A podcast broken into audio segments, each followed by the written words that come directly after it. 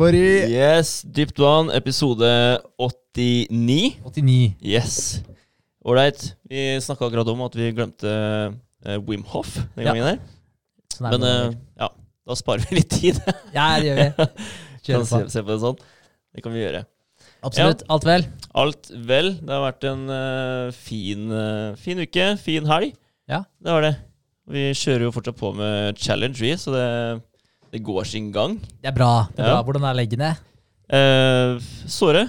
Ja. Såre ennå, faktisk. Ja. Det er eh, veldig rart. Men eh, det er jo ikke rart, da. Det er jo egentlig ikke rart når eh, du løper Du løper deg sår hver dag, og så gir du ikke kroppen eh, tid til hvile, da.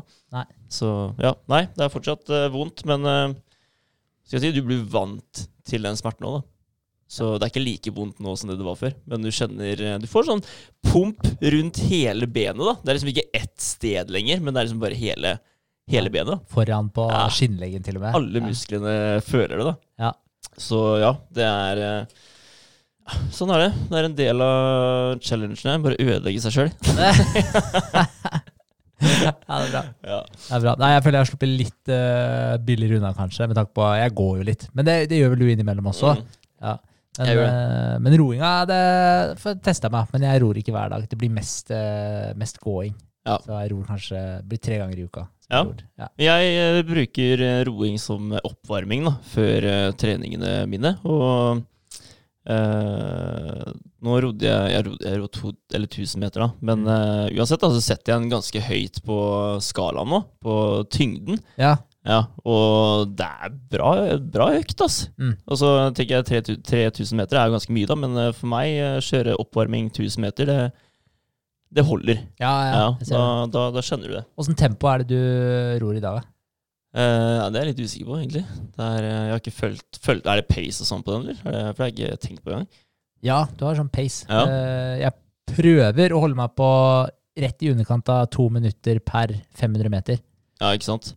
Um, 1000 meter for meg. Jeg tror jeg bruker uh, Bruker vel rundt hva faen er det? Fire, litt over fire minutter. Ja. ja det gjør jeg.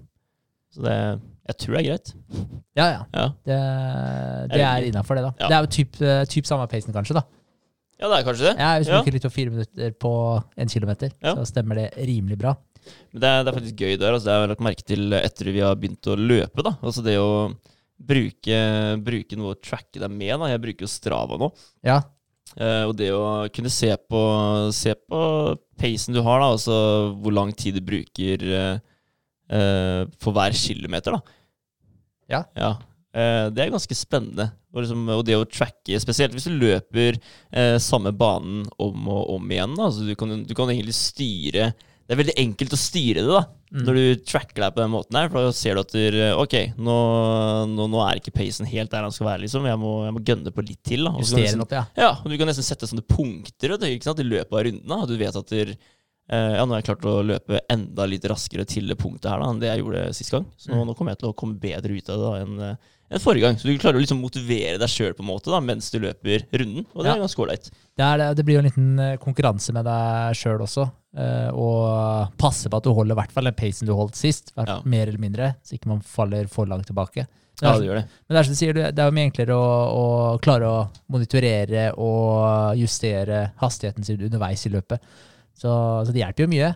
Ha litt eh, track på akkurat det der. Det gjør det, altså. Det gjør det. Men eh, ja, jeg vet ikke hva jeg skal si, jeg, men eh, de utfordringene her, det er eh, bra for, for hele meg, altså. Det, det er jeg ganske sikker på. Ja, men det Ja. tror jeg òg. Generelt, disse utfordringene er en bra greie. Ja. Er det. Helt klart. Eh, skal vi bare kjøre på, eller? Kjør på, du. Ja. Spent på hva du har å si. Ja, Temaet mitt i dag det er, det er vennskap. Ok. Ja, og det, ja. jeg tenker at dere, eh, alle trenger å altså Vennskap er jo en fin greie, da. Ja. Det er, jeg tenker du kan være glad hvis du har noen venner. ja. Ja, Det er ikke mange du trenger, men uh, så lenge du har én god venn, så burde du være fornøyd, tenker jeg. Det er noe med det. Og det er Ja. kanskje ikke noe man tenker så mye over akkurat det heller. At man uh, tar seg tid til å tenke over det. For de som kanskje ikke har noen venner i det hele tatt, så, så er det kanskje litt annerledes. Uh, men ofte så er det jo Man får noen venner på barneskolen som regel, og så er man jo ofte sammen Altså det går egentlig litt sin naturlige gang, eh, det med venner. Så Ja. noen har man på en måte alltid hatt. eh, alltid, i anførselstegn. Ja. Eh, og så kommer det noen nye inn på ungdomsgård, noen nye på videregående, og så er det kanskje noen som faller litt bort. Og så, men det er, det er på en måte en sånn naturlig utvikling hele veien, så det er kanskje ikke noe man tenker så mye over. Nei, det tror ikke jeg heller. Det tror ikke jeg heller. Men eh, altså, ja. Jeg, jeg tenker at vi kan egentlig bare gå igjennom litt her, da. For det, det er som du sier, at der, eh, venner faller ganske naturlig, da. Og, men eh, det er veldig Det er, det er forskjell, forskjell på vennskapene vi får òg, ikke sant? Mm. Hvem er det vi faktisk skal ta vare på, da? Og hvem er det vi ikke skal ta vare på? Um, og da har vi jo selveste Aristoteles, da, som eh, ja, han har, han har satt opp tre typer vennskap, da, sånn han så det. Eh, og det er jo Aristoteles, eh, han filosofen fra Hellas. Mm. I antikkens Hellas, er det det det heter? Antikken, ja. Ja. Old school. Old school, ja. Og han la alltid vekt på vennskapskonseptet, da. Altså, okay. Han skrev om det som om det var en uh, verdifull besittelse. Mm. Og en, eh, en eh, god vei til et godt liv, da. Ja. Gjennom vennskap. Han sa også at du kommer til å møte på tre forskjellige typer vennskap, og bare én av dem kan bli et virkelig godt forhold, da. Ja, ok. Ja. Eh, og den første, da, det er, det er eh, et selvinteressert vennskap. Altså det er et vennskap til egen vinning, da. Mm. Ja. Og vi vet jo at eh, mange mennesker bruker vennskap til egen vinning. Ikke sant? Eh, noen gjør det, og noen gjør det aldri. Kunne ikke falt dem inn og bruke andre på den måten. Men eh, vi har jo den lille gruppa med mennesker da, som ser på vennskap som akkurat det her, og kunne få noe ut av det. Ikke sant? Og alle tenker jo egentlig at der, vennskap er til for å få noe ut av det, men det er mer, mer den veien hvor du kanskje kan få eh, tillit, gode tider og ha en som backer deg, da. Ja. Ja, men selvinteressert eh, vennskap, det er mer for folk som Altså Da har du mennesker da, som kan komme og smigre deg og manipulere deg for å få andre typer ting, da, som sosial status og anerkjennelse av folk gjennom deg. Ja, så de benytter seg av deg for å få andre gode ting. da. Mm. Så det er egentlig ikke deg det handler om. Nei, det handler til syvende og sist om, eh, om dem selv. Yes, Ja. det gjør det. og så er det vennskap for glede. Eh, og det er en av de En av de vennskapa som vi egentlig er ganske klar over. Altså, det er mange som har en kompis eh, eh, som man henger med fordi han er lættis, da. Ikke sant? Det er, eh, hver gang du henger med den eh, fyren der, så får du en, eh, får du en kul eh, Opplever du alltid noe fett, ikke sant? Så det, det er kult å ha, ha den type venn, da, for å skape minner, eksempel. Eh, tenke tilbake og fortelle barna alt det sjuke du har gjort, da, så er det som regel én kompis som går igjen i de historiene der. ikke sant? Ja. Det er jo det. Eh, og forskjellen da, på altså, vennskap for glede og det venn selvinteresserte eh, vennskapet, da, det er at der, eh, i den første type vennskapet så prøver folk å få nytte av vennskapet ditt. Ikke sant? Tjenester, tilgang til andre mennesker og anerkjennelse. Men vennskap for glede, det er rett og slett bare at eh, de vil ha det bra. Altså. Ja, ikke sant? Ja. Det er det det går i. Altså, det er kanskje mennesker som eh, Som eh, Hva skal jeg si Kan leve en litt tom og meningsløs livsstil. da. Ja. Ja, Det er kanskje litt hardt å si det på den måten her, men uh, eneste grunnen til at de faktisk vil tilbringe tid med andre mennesker, da, det er at de, de vil ha en avslappende og morsom, morsom stund. Ja. Det er det de vil få ut av det vennskapet. da. Liten avkobling fra hverdagen eller uh, livets uh, Hva heter det for noe? Mønster. Ja, Ja, Ja, Litt avbrekk. det, du kan se på det sånn. ass. Det er det. Men det er også den personen da, som når du faktisk trenger noe, da, havner i et eh, Eller du får et problem, det er et eller annet som er vanskelig for deg, så er kanskje ikke det den vennen som kommer til å være der. Da Nei. Da viser han kanskje sitt uh, sanne ansikt og fordufter. Mm. Og så er det siste. Uh, det er det perfekte vennskapet. Um, og det er, uh, det er det vennskapet som er ideelt. Ja, Det er den mest solide typen, det mest sjeldne vi kan ha. Og det er et vennskap som går utover nytelse og nytte. Ehm, og det er fordi du faktisk verdsetter den personen for det de er. da. Mm. Ikke sant? Du prøver ikke å få noe ut av en person, men eh, du bare trives rundt personen. da. Eh, og da sier han også at det er også sjenerøsitet fordi eh, du ikke prøver å få noe ut av det. Eh, alt man faktisk vil, er å ha en, ha en uh, fin tid sammen. da. Dele, en du kan dele livet med, faktisk. Ja. ja, ja. Eh, og, en, og det å ha en skulder man kan lene seg på. da. Eh, og det er basert på godhet. Og han, Aristotel, Aristoteles da, han sier at der, eh, man kan nesten sammenligne det med, med et eh, romantisk partnerskap. Fordi da, altså til syvende og sist så kommer ikke perfekte, uh, perfekte og sanne venner så ofte, da. Mm. Det gjør ikke det. Det er jo en sjelden vare. Sånn, så det er ikke mange som du klarer å connecte med på en, på en dyp og ordentlig måte. da. Det er jo Nei. ikke det. Det er noen få. Ja, ja, Ja. absolutt. Uh, og det ser man jo også i forhold til eh, som, jeg, som jeg nevnte innledningsvis, altså, så er det jo litt tilfeldig hvilke venner som kommer inn i livet ditt. Og Mm. så ser noen eh, holdt jeg på å si, sklir jo litt ut, finner seg andre å henge med. Og det er jo noen som man på en måte har igjen, Ja. eh, selvfølgelig. Og, men man merker jo også jo eldre man blir, eh, så møter man jo mange andre mennesker også. Da Mm. får man jo på en måte et enda større sammenligningsgrunnlag. Jo, lengre, jo eldre man blir, jo flere mennesker man treffer, så får man jo et eh, større sammenligningsgrunnlag i forhold til kvalitetene til forskjellige personer. Altså Ja. Man kan jo sånn eh, altså Ikke at man nødvendigvis bevisst skal sitte og måle folk opp mot hverandre, men du kan si hva du vil, men man gjør jo det. Gjør det, Ubevisst, selvfølgelig gjør man det. Eh, og, og man ser jo da at de som er igjen, det er jo de som, i hvert fall for min del, har kvaliteter som jeg setter pris på. Mm. Og som jeg da har lyst til å omgås med, og har Ja, ja. lyst til å gjøre ting med. Eh, så, men, men man har jo hele spekteret, som du sier. Det er jo noen man henger med også, som man kanskje er på noe festligheter sammen med, eller som man finner på noe med når man er liksom i en litt større gruppe, og sånn, som kan være kjempeartig å henge med da, Mm. men det er ikke noen du inviterer hjem til deg tre ganger i uka. Nei. Kanskje man ikke har så, så mye til felles lenger. Det er noe med det. Du har kanskje den som hva skal man kalle det, indre sirkelen, liksom, da. Ja. Med de som du faktisk henger med og har et forhold til. Og så har du de andre som, som er der når det, når det skjer andre ting. Mm, Og det er jo helt innafor det. absolutt. Ja. Ehm, og det er helt, helt mulig at der, uh, du har alle de tre vennskapa her nå, da. Nesten akkurat det vi sa nå, i, i livet ditt i dag. Mm. Og det tror jeg de fleste egentlig har. Kanskje ikke han som prøver å dra så veldig mye nytte av deg, men eh, i hvert fall han som eh, har deg som venn for glede, da. Det, det tror jeg det er veldig mange som har. Og ja, jeg vil jo nesten si at uh, jeg har det sjøl. Ja, I livet, ja. Ja. ja, selvfølgelig. ja. Det er helt enig. det er nice. Ja. Det som er, da, eh, det er at dere, ved å ha et vennskap, så føler du tilhørighet. Ikke sant? Og tilhørighet, da, det er jo et av de mest grunnleggende behova som vi mennesker trenger. ikke sant? Og det er jo også det vi snakka om eh, i en annen episode. Eh, Finn din indre motivasjon. eh, episode 66, hvis noen har lyst til å høre på den. Så det er de tre kriteriene da, som vi gikk gjennom. eh, og det er det vi mennesker faktisk må ha da, for at vi skal føle oss eh, eh, Føle at vi mestrer livet og har generell god kontroll. da. Mm.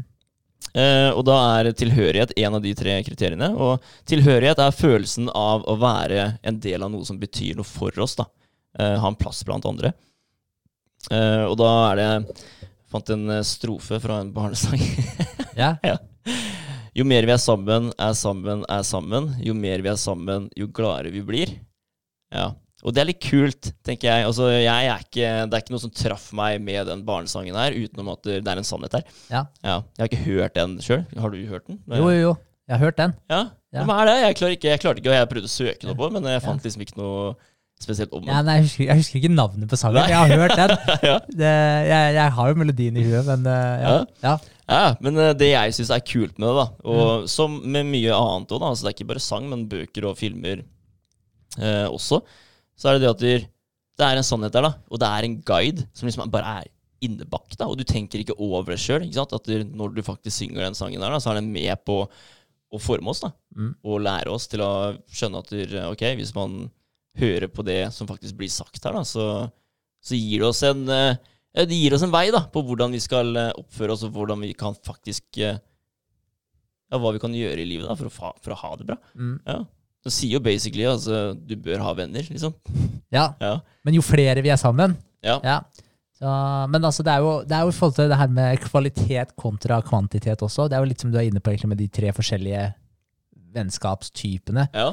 For det er en ting som jeg eh, ja, bare blir mer og mer bevisst på uh, i forhold til hvem det er jeg velger å bruke tid sammen med. Mm. Og det er, eh, og det er eh, litt fordi vi har så mye å gjøre eh, generelt, også, og da er det prioriteringer hele veien. Eh, og da er det veldig viktig at, i hvert fall for min del, at jeg prioriterer å bruke tid på de som jeg virkelig ønsker å bruke tid på. Ja. Eh, og der er man jo litt tilbake i forhold til hva det er man anser da, som de eh, virkelig kvalitetsvennskapa, de eh, vennskapa for å ha det gøy. Mm. Og Altså, jeg tror ikke jeg har noen i livet mitt som, som Hva skal jeg si? Som, altså, som ikke liksom dere utnytter vennskapet vårt for å bare få ting. Det tror jeg hadde lagt merke til ganske fort. Ja. Og, så det er jeg rimelig sikker på at det er ikke tema. Nei, det tror ikke jeg heller. Men de to andre kategoriene, definitivt. Men da blir det jo ofte sånn for min del, så blir det jo eh, Jeg velger å finne på ting eh, alene, da. Kun med de som er veldig nære. Mm. Og velger å bruke tid på dem. Eh, mens de andre, de på en måte litt eh, vennskap for, eh, som man har det gøy sammen med, da er det mer den som man er med i grupper. At man henger litt flere sammen når man først Mm. henger. Og det tenker jeg, det er, føler jeg da, er en veldig Grei måte å fin gjøre det på. greie. Ja, ja. Ja, men det er jo også Du må føle at tiden din er vel brukt òg, da.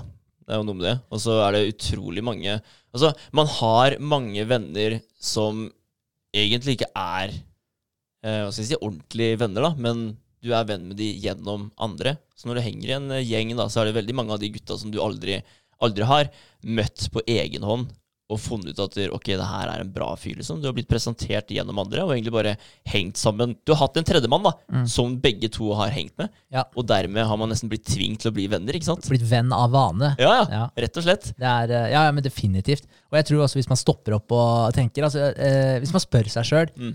eh, ja, det, det spørsmålet det, det må jeg egentlig minne meg sjøl på innimellom. Jeg glemmer å bruke det. Men uh, det spørsmålet med Hvis jeg visste det jeg vet i dag, ville jeg? Ja, Det spørsmålet der, det er, så, det er et mektig spørsmål. det er det. Ja. er, Fordi Hvis man drar det opp mot det temaet her også, det som har med vennskap å gjøre Hvis jeg visste det jeg vet i dag, mm. ville jeg ha vært venn med den personen her? Spør deg sjøl om det. Spør deg selv om det. Ta gjennomgang på vennene dine. Jeg er sikker på at det er eh, noen ute i periferien som kanskje ikke bruker så mye tid sammen med lenger, Ja. men som eh, svaret er eh, åpenbart nei. Ja, klart. Så- altså, da må du faktisk gå kraftig inn i deg sjøl, da. For Ja. det er eh, det er en vanskelig avgjørelse å ta. Det er jo ikke noe hyggelig i det hele tatt, egentlig. Definitivt. Nei. Og til syvende og sist så vil du gagne deg. da. Det er, det er akkurat det. Og ikke minst den andre personen òg. Jeg vil jo ikke henge med folk som kanskje egentlig ville brukt tida på noe annet enn å henge med meg. Nei. Det er jo, det er jo kjipt for meg også. Ja, ja, ja. Så, så jeg tror det er uh, greit å, å være litt bevisst på det. Men jeg tror jo mange tar den litt den derre at, at man, som den er typisk, man sklir litt ifra hverandre, vokser fra hverandre. Det er jo typ en silent ditch man gjør. Man begynner å snakke mindre og mindre med hverandre. Ja. Og ja, det er jo som regel litt sånn der. Ja, det går Ja. en naturlig gang i det, da. Det, det gjør som regel det. Ja. Så, men, det. men det verste er jo hvis man har eh, en eller annen som man henger ofte med, som man egentlig ikke liker å henge med. Og hvis man er med noen andre, så snakker man dritt om den personen. basically. Da bør man Mm. ikke henge sammen. For det er mange eh, vennegjenger som er kroniske drittsnakkere. Ja, ja. Og snakke dritt om Det er alltid den som ikke er der, den, eh, den blir prata om. Mm. Og da kan du tenke deg når du ikke er til stede, ja hva selvfølgelig. som er samtaletemaet da. Det blir ikke noe bedre, det da. Nei, nei, og jeg- det er jo Jeg vet ikke. Det er, det er, eh, jeg er ikke i en sånn vennegjeng, og det er jeg veldig glad for. Mm. Eh, Jeg føler at eh, hvis man har noe å si her, så sier man det. Eh, Det er inntrykket mitt, i hvert fall. Eh, Så, men jeg vet jo, jeg har hørt om mange andre som er i de settingene der, er i sånne type vennegjenger. Ja. Og da tenker jeg Men venne, vennegjenger òg. Hvis man tenker sånn her, typisk eh, ungdomsskole, videregående, så er det veldig fort at man havner i en vennegjeng eh, ut av status. da. mm, Det er egentlig ikke Det er egentlig ikke dine venner, men uh, ja, ok, hvis du er med, er med i den vennegjengen her, da, så blir du automatisk en av de kule, liksom. da. Mm. Ja. Og det er mange som gjør det. det er, og det er da den drittsnakkinga kommer, da. Ja, for man er egentlig ikke 100 Man er ikke venner på, på det samme grunnlaget lenger. da. Hvis det er status man er ute etter, så er Mm. man, eh, da er man jo ikke venner pga. verdiene til den andre personen eller felles interesser eller hva det måtte være. Absolutt ikke. Han er jo egentlig bare en del av et eller annet som utenifra øh, blir sett på som at du får en høyere status. Ja, ja. Det, er det, du, det ja. er de du går med på skolen for å se kul ut, og det er de du drikker med i helgene for å ja, komme på de festene du har lyst til å komme på. da. Kanskje Ja. de som eh, virker viktige akkurat den dagen her, men eh, som viser seg å være helt ubetydelige lenge fram i tid. Ja, Ja. Det, det er litt kult. Altså, jeg, eh, det var altså, en jeg kjenner, jeg trenger ikke si navnet, sånn, i tilfelle ja, det er noen felles bekjente av whatever.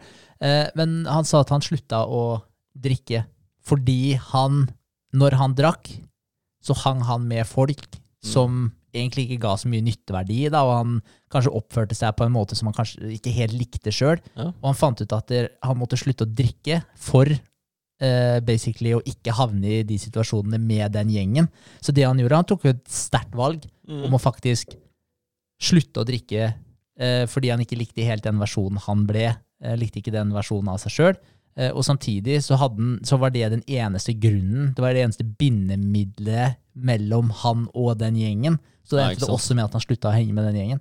Så det var på en måte det valget han måtte ta for å komme seg ut av det. Ja, så når han slutta å drikke da, så, så hadde ikke han noe mer felles med de lenger. Nettopp. Ja, Og da var det ingen av de som prøvde å henge med han, eller? Nei. Nei. Og da har du jo basically det her eh, Litt som vi snakka om, den der gjengen som du henger med for å få status, eller den gjengen som du henger med for å ha det gøy. Mm. Ikke det som nødvendigvis gir deg noe av verdi. Kanskje du ikke engang liker den versjonen du våkner opp som på søndag Mm. av det du gjorde på lørdag, men så fortsetter du å gjøre det fordi du går i det samme mønsteret og ikke klarer da, å trekke deg helt ut av det. Ja, det er veldig Men, sant, ass. eh, ja, men men jeg, jeg ble Jeg syns det var et beundringsverdig valg å ta. Så det er ganske sterkt å ta det valget. Og innse den.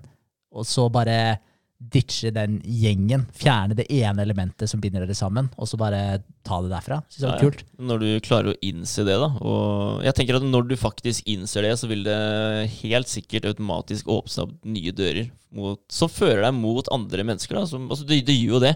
Når du trekker deg vekk fra, fra, fra noen eh, verdier og egenskaper og er på søken etter noe annet, da, Mm. så vil jo det du søker etter, dukke opp. Helt klart. Ja. Det jo, men da er man jo helt åpen, da er man mer åpen for eh, å få nye venner også, nye Mm. bekjentskaper. Eh, det er jo noe helt annet enn når du har en gjeng du føler basically at det, Nei, altså, jeg, jeg har ikke tid til å henge med flere. Jeg kan ikke få flere inn i livet mitt nå, fordi jeg bare har ikke tid til å pleie vennskapet. Hvis du er i den situasjonen, åpenbart så får du deg ikke flere venner. Mm. Du, du ser jo ikke etter det i det hele tatt. Du er jo egentlig stikk motsatt. Ja, det er veldig sant. Altså. Men ja. tror du altså, Når man går på, på ungdomsskolen eh, og videregående, så er det veldig typisk ikke sant? Du er delt opp i gjenger. Det er jo en typisk greie. Ikke sant? Eh, og da blir du, du blir veldig lokka utad. Ikke sant? Det er, det er inni gjengen det skjer, Ja. og du er lokka utad til de andre. Ja, ja. Ja, Du kan se på dem stygt, og du liker ikke de andre. ikke sant? Og det, det, jeg bare tenker, kan det, det, det vil jo sikkert påvirke deg videre i livet. da, Akkurat det med bare å gå og hilse på mennesker du faktisk ikke vet hvem er. da. Hvis du hele tiden har vært eh, lokka til din gjeng, da, så blir du det blir negativt påvirka, så du ikke så Du er lokka til andre òg, da. Mm. Det er litt sånn typiske Alle sier at eh, nordmenn er så, er så vanskelig å prate med. og... Inneslutta, liksom. Yes. Ja. Det kan jo Det er sikkert eh, Ja, du blir jo forma, da. Ja, ja, helt klart. Men der merka jeg jo, altså når jeg studerte et år i utlandet Mm. Jeg kom til et nytt land, jeg dro ikke sammen med noen, jeg kjente ingen. Og jeg måtte på en måte starte helt på nytt. Ja. Og det var, det var en rar følelse for meg, fordi jeg har alltid, som sagt, uh, kommet godt overens med folk. Alltid fått uh, venner lett, og klart å bygge gode relasjoner. Men det har alltid, fra barneskolen, så har det aldri vært et eller annet punkt hvor jeg ikke har hatt noen venner, om du skjønner hva jeg mener. Det var som jeg sa i stad, det har kommet noen, og det har gått noen. Eh, Men man har på en måte vært en god kjerne hele veien. Ja. Eh, Og det skal sies også, jeg har faktisk vært ekstremt heldig med den vennegjengen som jeg har vært i opp igjennom. Mm. Det er jeg jo ekstremt takknemlig for, for det har vært gode folk. Altså, Ja. De er gode folk den dag i dag. Eh, Det er, så det er på, på en måte Jeg vet ikke, jeg føler at den vennegjengen jeg vokste opp i, har vært en veldig sunn vennegjeng å ha, med gode Ja. verdier. Eh, og, det, og vi har jo vært en del som har hengt sammen også. Så jeg tror ikke det er uh, dagligdags, egentlig, at du har så mange kvalitetsmennesker i samme gjengen. Det tror ikke jeg heller.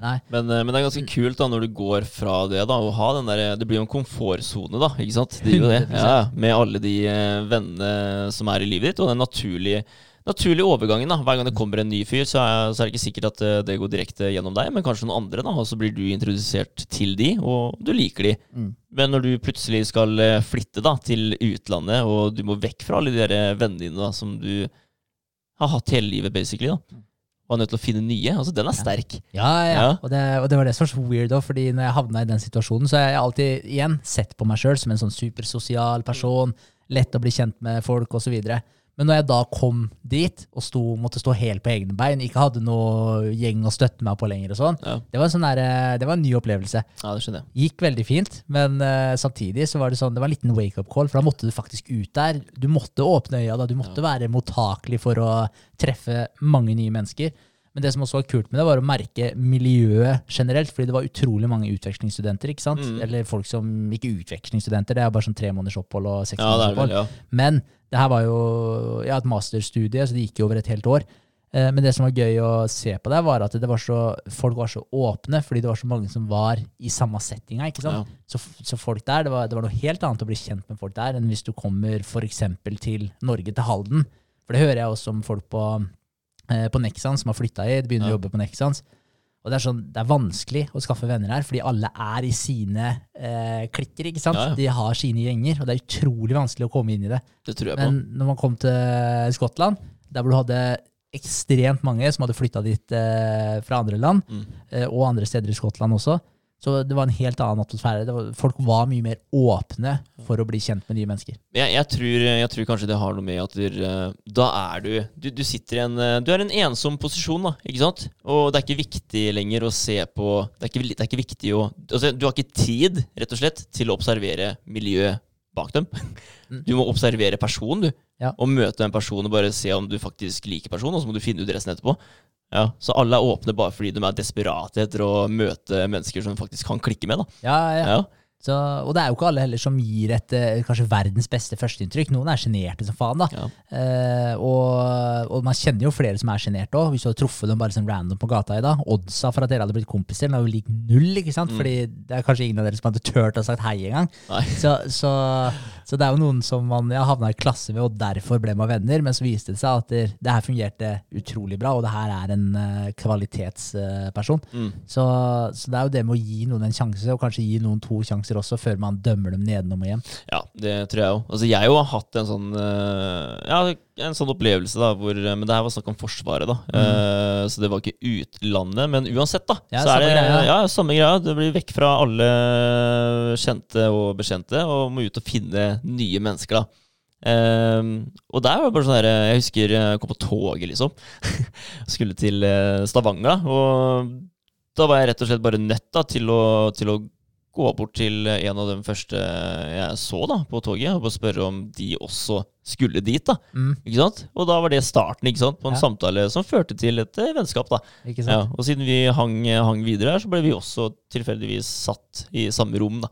Ja, Ja, Siden vi hang fra starten av. da. ja ikke sant? Det gjorde vi. Så det, men det, det er gøy da, å se at der, eh, man faktisk kan se på mennesker uten, uten miljø. Se på person for person den er. Mm. Ja, for jeg tenker at det er eh, Se for deg ja, miljøene rundt i byen her, da. Altså rånemiljø, rockemiljø. Det er, eh, hvis jeg hadde plutselig gått fra å ha venner til å miste alle vennene mine, da, så, så kommer jeg i en litt sånn desperat situasjon hvor jeg er nødt til å finne ut eh, Eller finne nye venner, da.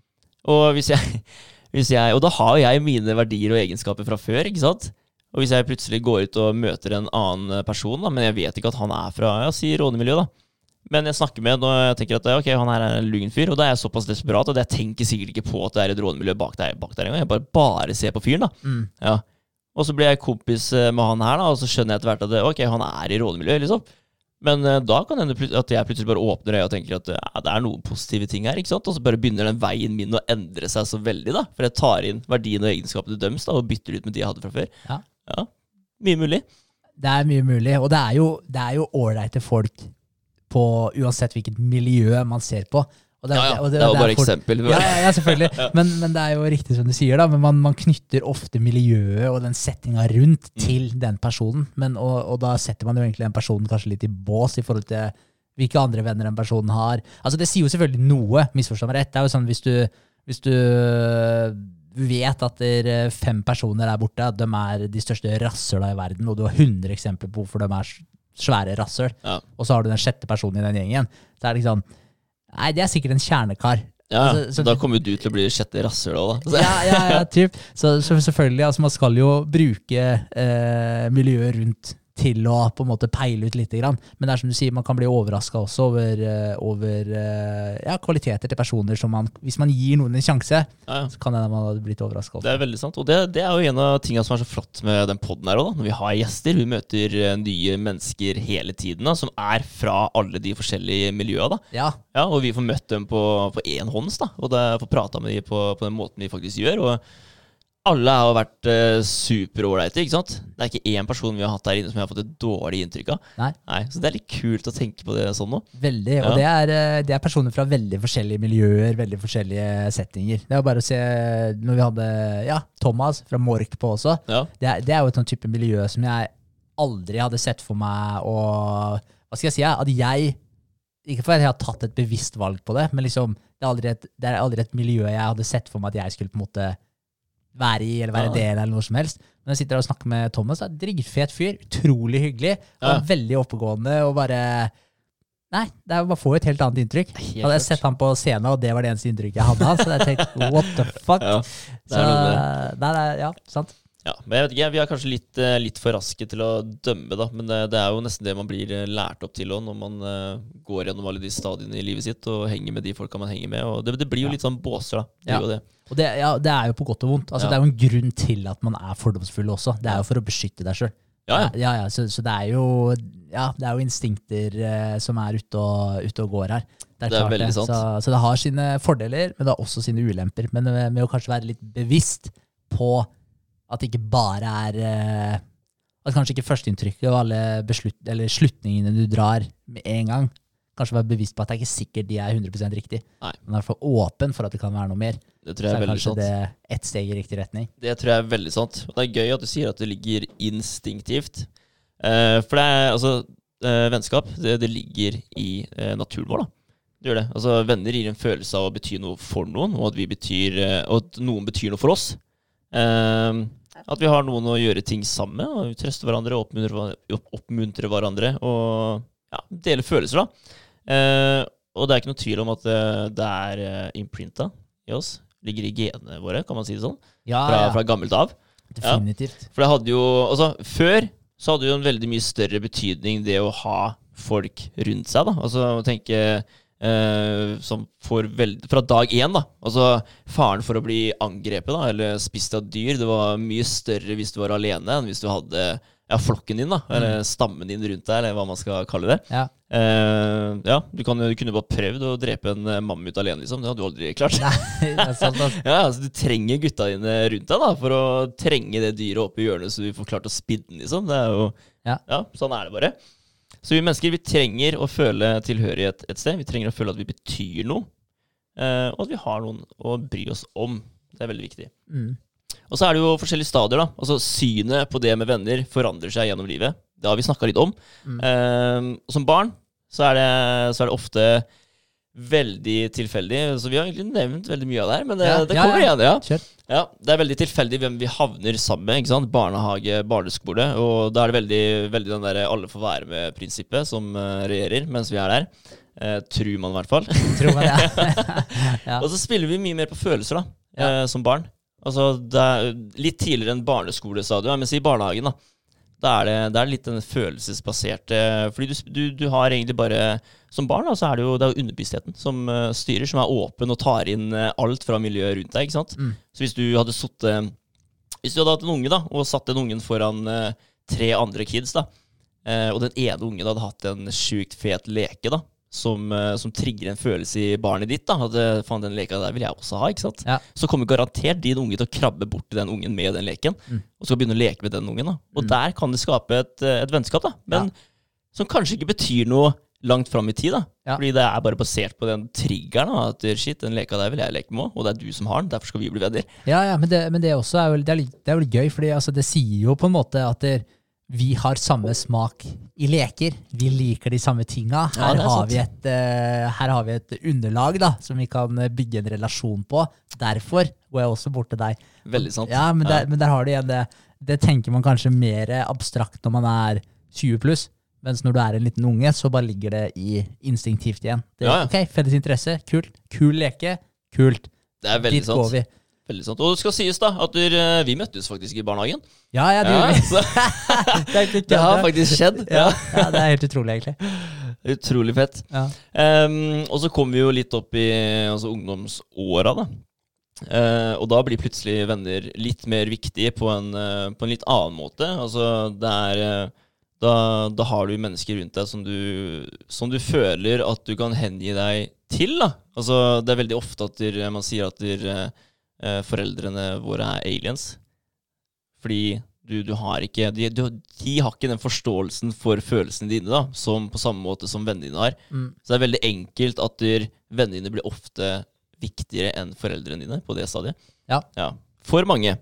Så er det kult med store vennegjenger. Det er kult å kjenne mange. Men det er også i det stadiet her mange føler seg venneløse, Mm. som kommer igjen. Men uh, greit nok, det. Og jeg, jeg, tenker da at der, det er litt her eh, egentlig hele veien, da, fra barnehage, barneskole, eh, ungdomsskole og videregående. Altså, det er så mange endringer da, som skjer i livet ditt. Jeg bare, jeg bare, når jeg tenker på det, så ser jeg liksom for meg at for, for, for hvert stadie da, så får du liksom starten på en vei. Mm. Ja, og så skjer det skiftet her, da. Og da, da tar du enten til høyre eller venstre, liksom. Men du, du skifter retning, da. For som vi sa i stad, at eh, du går fra barneskolen da, til ungdomsskolen.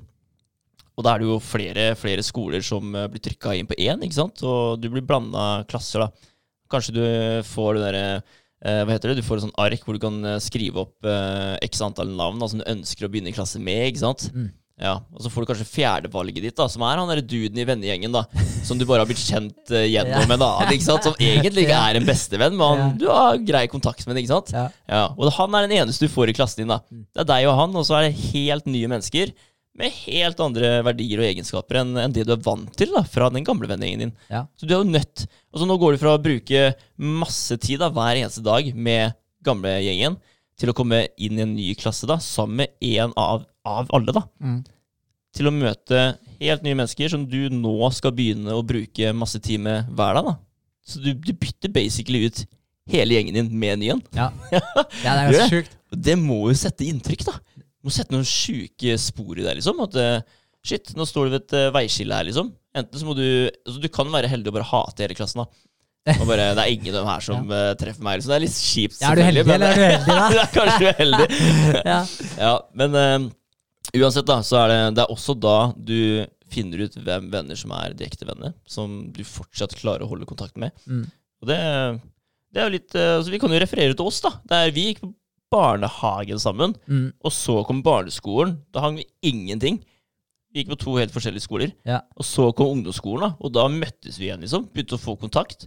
Og etter det så har vi vært kompiser, da. Ja. Det er litt kult. Det er dritfett. Ja. Så, men det også betyr jo eh, for meg da, at da har man eh, noe, et litt Da har man et godt grunnlag, Mm. føler jeg, til å henge videre. Hvis ikke hadde vi truffet hverandre på ungdomsskolen igjen, og så hadde vi egentlig ikke hengt så mye. Nei. Fordi det hadde ikke Hva skal jeg si, det hadde ikke funka sånn. Nei, det var en av oss som hadde en sjukt fet leke, tror jeg. Ja, kanskje, men den kom lenge etterpå, da.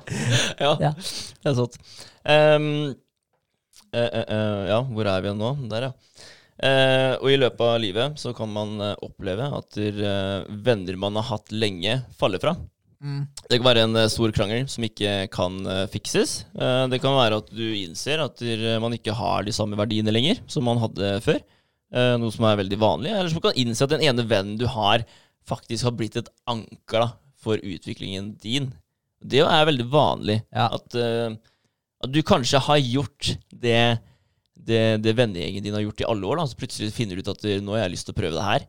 Og, og den vennen du har hatt, uh, hatt så lenge, da, klarer ikke å støtte det. Mm. rett og slett. Prøver å få med deg på alt annet enn det som faktisk drar deg mot det målet du har satt. da. Ja. Ja, Som gjør at du skjønner at du, ok, han her uh, Han klarer ikke å spille samme spill som meg, da. Og det gjør meg egentlig bare vondt verre å fortsette å henge med en person. Mm. Ja, Så da er det kanskje nødt til å kutte, kutte vekk den, da. Men det er det, da. Altså, for det der, det der er eh, superinteressant. Fordi hvor mange tror du virkelig klarer Altså, hvor mange tror du kutter ut drømmen sin, kontra å kutte ut den vennen som ikke støtter drømmen din? Jeg tror det er veldig mange der ute som kutter ut drømmen sin. Fordi med en gang de prøver å eh, lufte ideen, Mm. hvis, de, hvis de trenger bekreftelse med en gang de prøver å lufte ideen, og hvis den kompisen syns det er litt weird, så kommer de til å slå og drepe den ideen din yes. så fort den har kommet av kjeften din. Og da blir det sånn, det er mange som bare gir opp drømmen sin med en gang. Ja, ja. Og, og de som du ofte møter størst motstand hos når du prøver Altså, når man gjør noe annerledes, så det man som regel møter mest motstand hos, er nære venner og bekjente og familie. Ja. Og, og det er egentlig i utgangspunktet det man skulle tro ville det beste for deg. Men hvis du gjør noe som skiller deg litt ut fra, fra sånn som de kanskje ser på deg, sånn som liksom er Skille seg ut fra normen. ja, Ja. så, så er det ofte der man møter motstand. Og det er ganske interessant, fordi eh, eh, jeg har et godt eksempel med bare det med å prøve å slutte å snuse. Ja. Mm. Hvis du sier det høyt i vennegjengen, Ja. de andre som snuser da, det er for de første som drar fram snusboksen og spør om du skal ha en. Ja, ja. Det er ikke kødd engang. Nei. Herregud. Alle. Ja, ja. Det Alle. skjer ikke at du klarer det. Ja.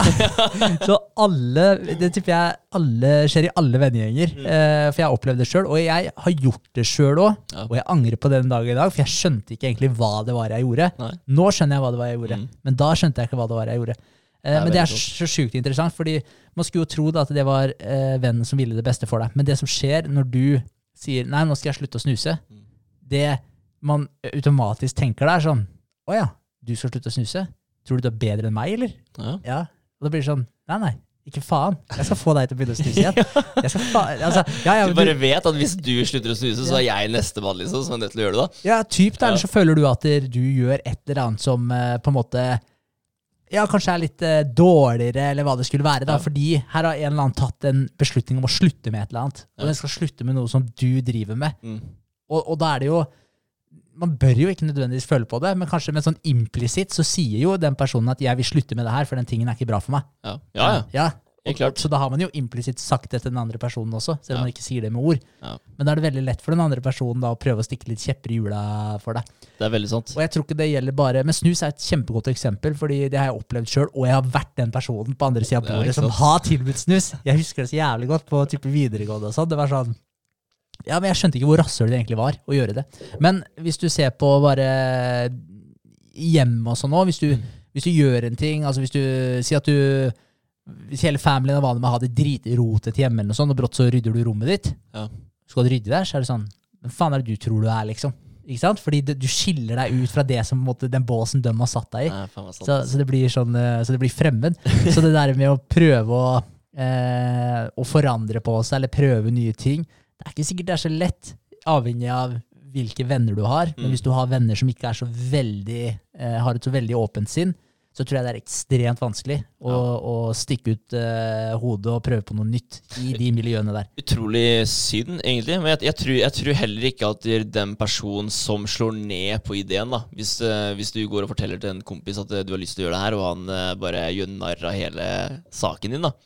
Jeg, jeg, altså, det er jo som du sier, da. Altså, du tenkte ikke på hvor jævlig rasshøl det var da, å tilby en snus til en som prøver å slutte. ikke sant?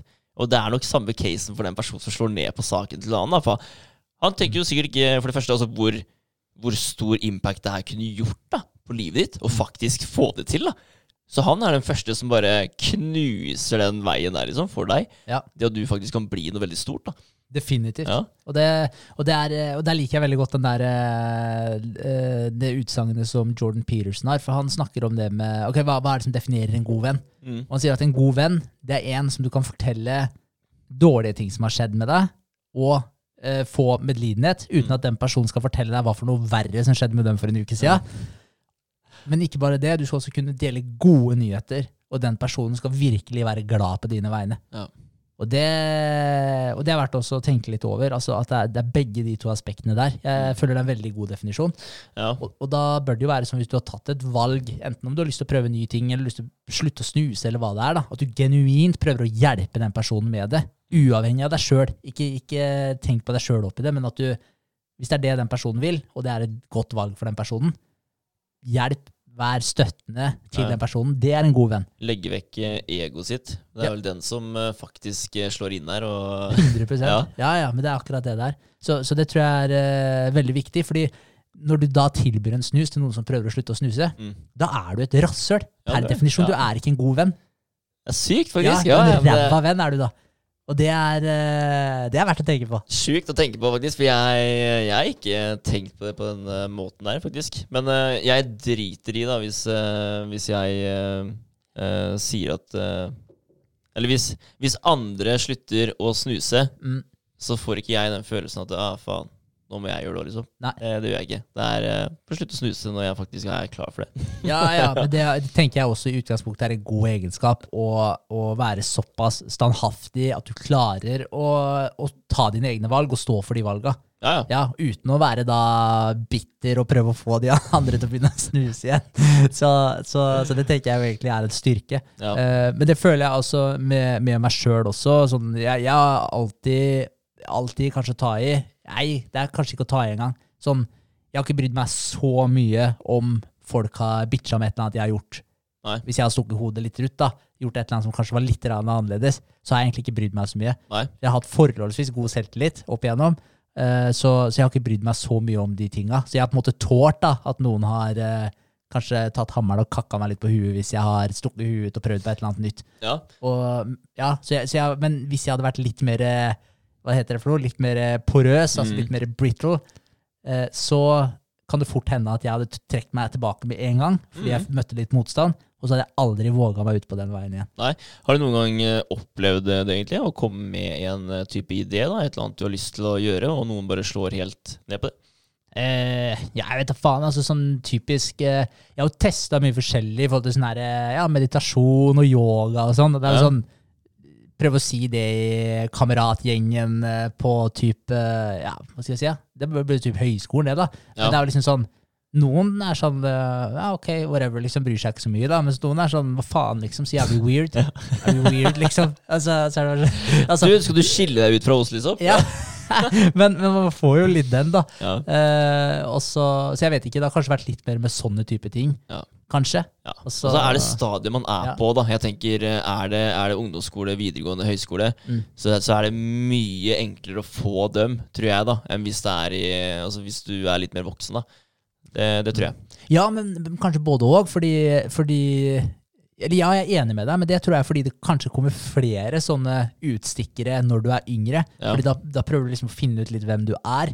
Mens du kan tenke deg hvis du har hengt med en person i 30 år, så brått så bare begynner du med noe weird shit, så er det så faen klikka bare. Altså, fordi, Ja, fordi de, de hopper ut av den båsen som du har satt dem i. da. Altså, det her er Vegard. Vegard er det her, og brått så skjer det en ting som bare ikke er Vegard. Så da blir du sånn Ok, hvem er Vegard?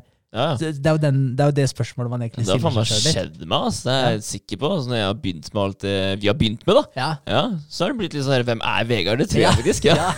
begynt med Ja, ja. pod og begynt med ja, firmaet vi har og alt det der. Så tror jeg andre har tenkt altså, hva faen har skjedd med Vegard? Liksom. Ja, ja, Ja. men eh, ja, 100% Men da, da er det jo et stort skifte som skjer da, i prioriteringer, væremåte øh, og interesser, ikke minst. Så, så man Ja, det skjer jo et stort skifte. Og når det skjer et stort skifte, så blir du jo fremmed for den personen som du da kanskje Som kanskje trodde de visste hvem du var, helt ned til beinmargen. Ja. Og så begynner du brått med, med mye nytt.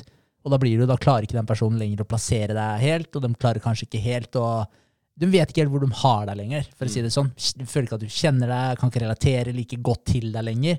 Og da blir du jo litt sånn ukjent. Ja, du gjør det. Ja, Du gjør det. Det er, det, er, det litt synd nå, da, sånn, når du går andre veien, og så får de vennene som, som, uh, som skal face at kompisen sin prøver noe nytt, Mm. og han blir ukjent. Det er, jo, det er jo trist på deres vei nå, da, sånn sett. Ja. Men uh, det er jo klart, uh, altså, du, du tar jo et valg her. Alle har et valg her. Altså Enten så velger du å støtte det og prøve å skjønne det, eller så stritter du imot. da. Absolutt. Og det, det, jo, det kan jo ende fatalt, da, at du faktisk mister den eh, vennen.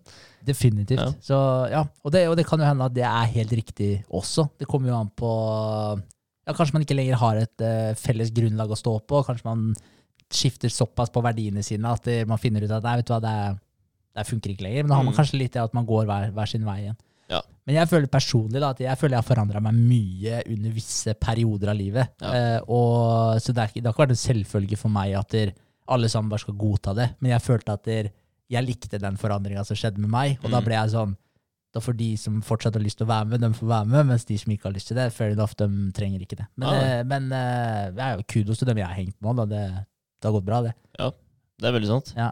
Uh, har du noen gang hatt uh, en uh, venn i, Har du hatt en venn som har kommet med en eh, veldig stor forandring, som du har vært nødt til å akseptere? Da? Ja, ja, 100 ja. Da Gottfred, han var jo på poden her til og med. Ja, Ja, Det er jo et klasseeksempel på akkurat det vi Det egentlig er sitter og snakker om nå. ja.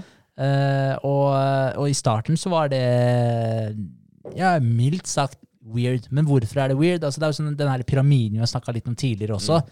Hvis du ser på hvordan en person er bygd opp, disse blokkene, og du har de store blokkene i bånn, Mm. og så som på en måte er fundamentet i personligheten til en eller annen. Og så har du eh, bygd opp mindre og mindre blokker oppover i en pyramide ja.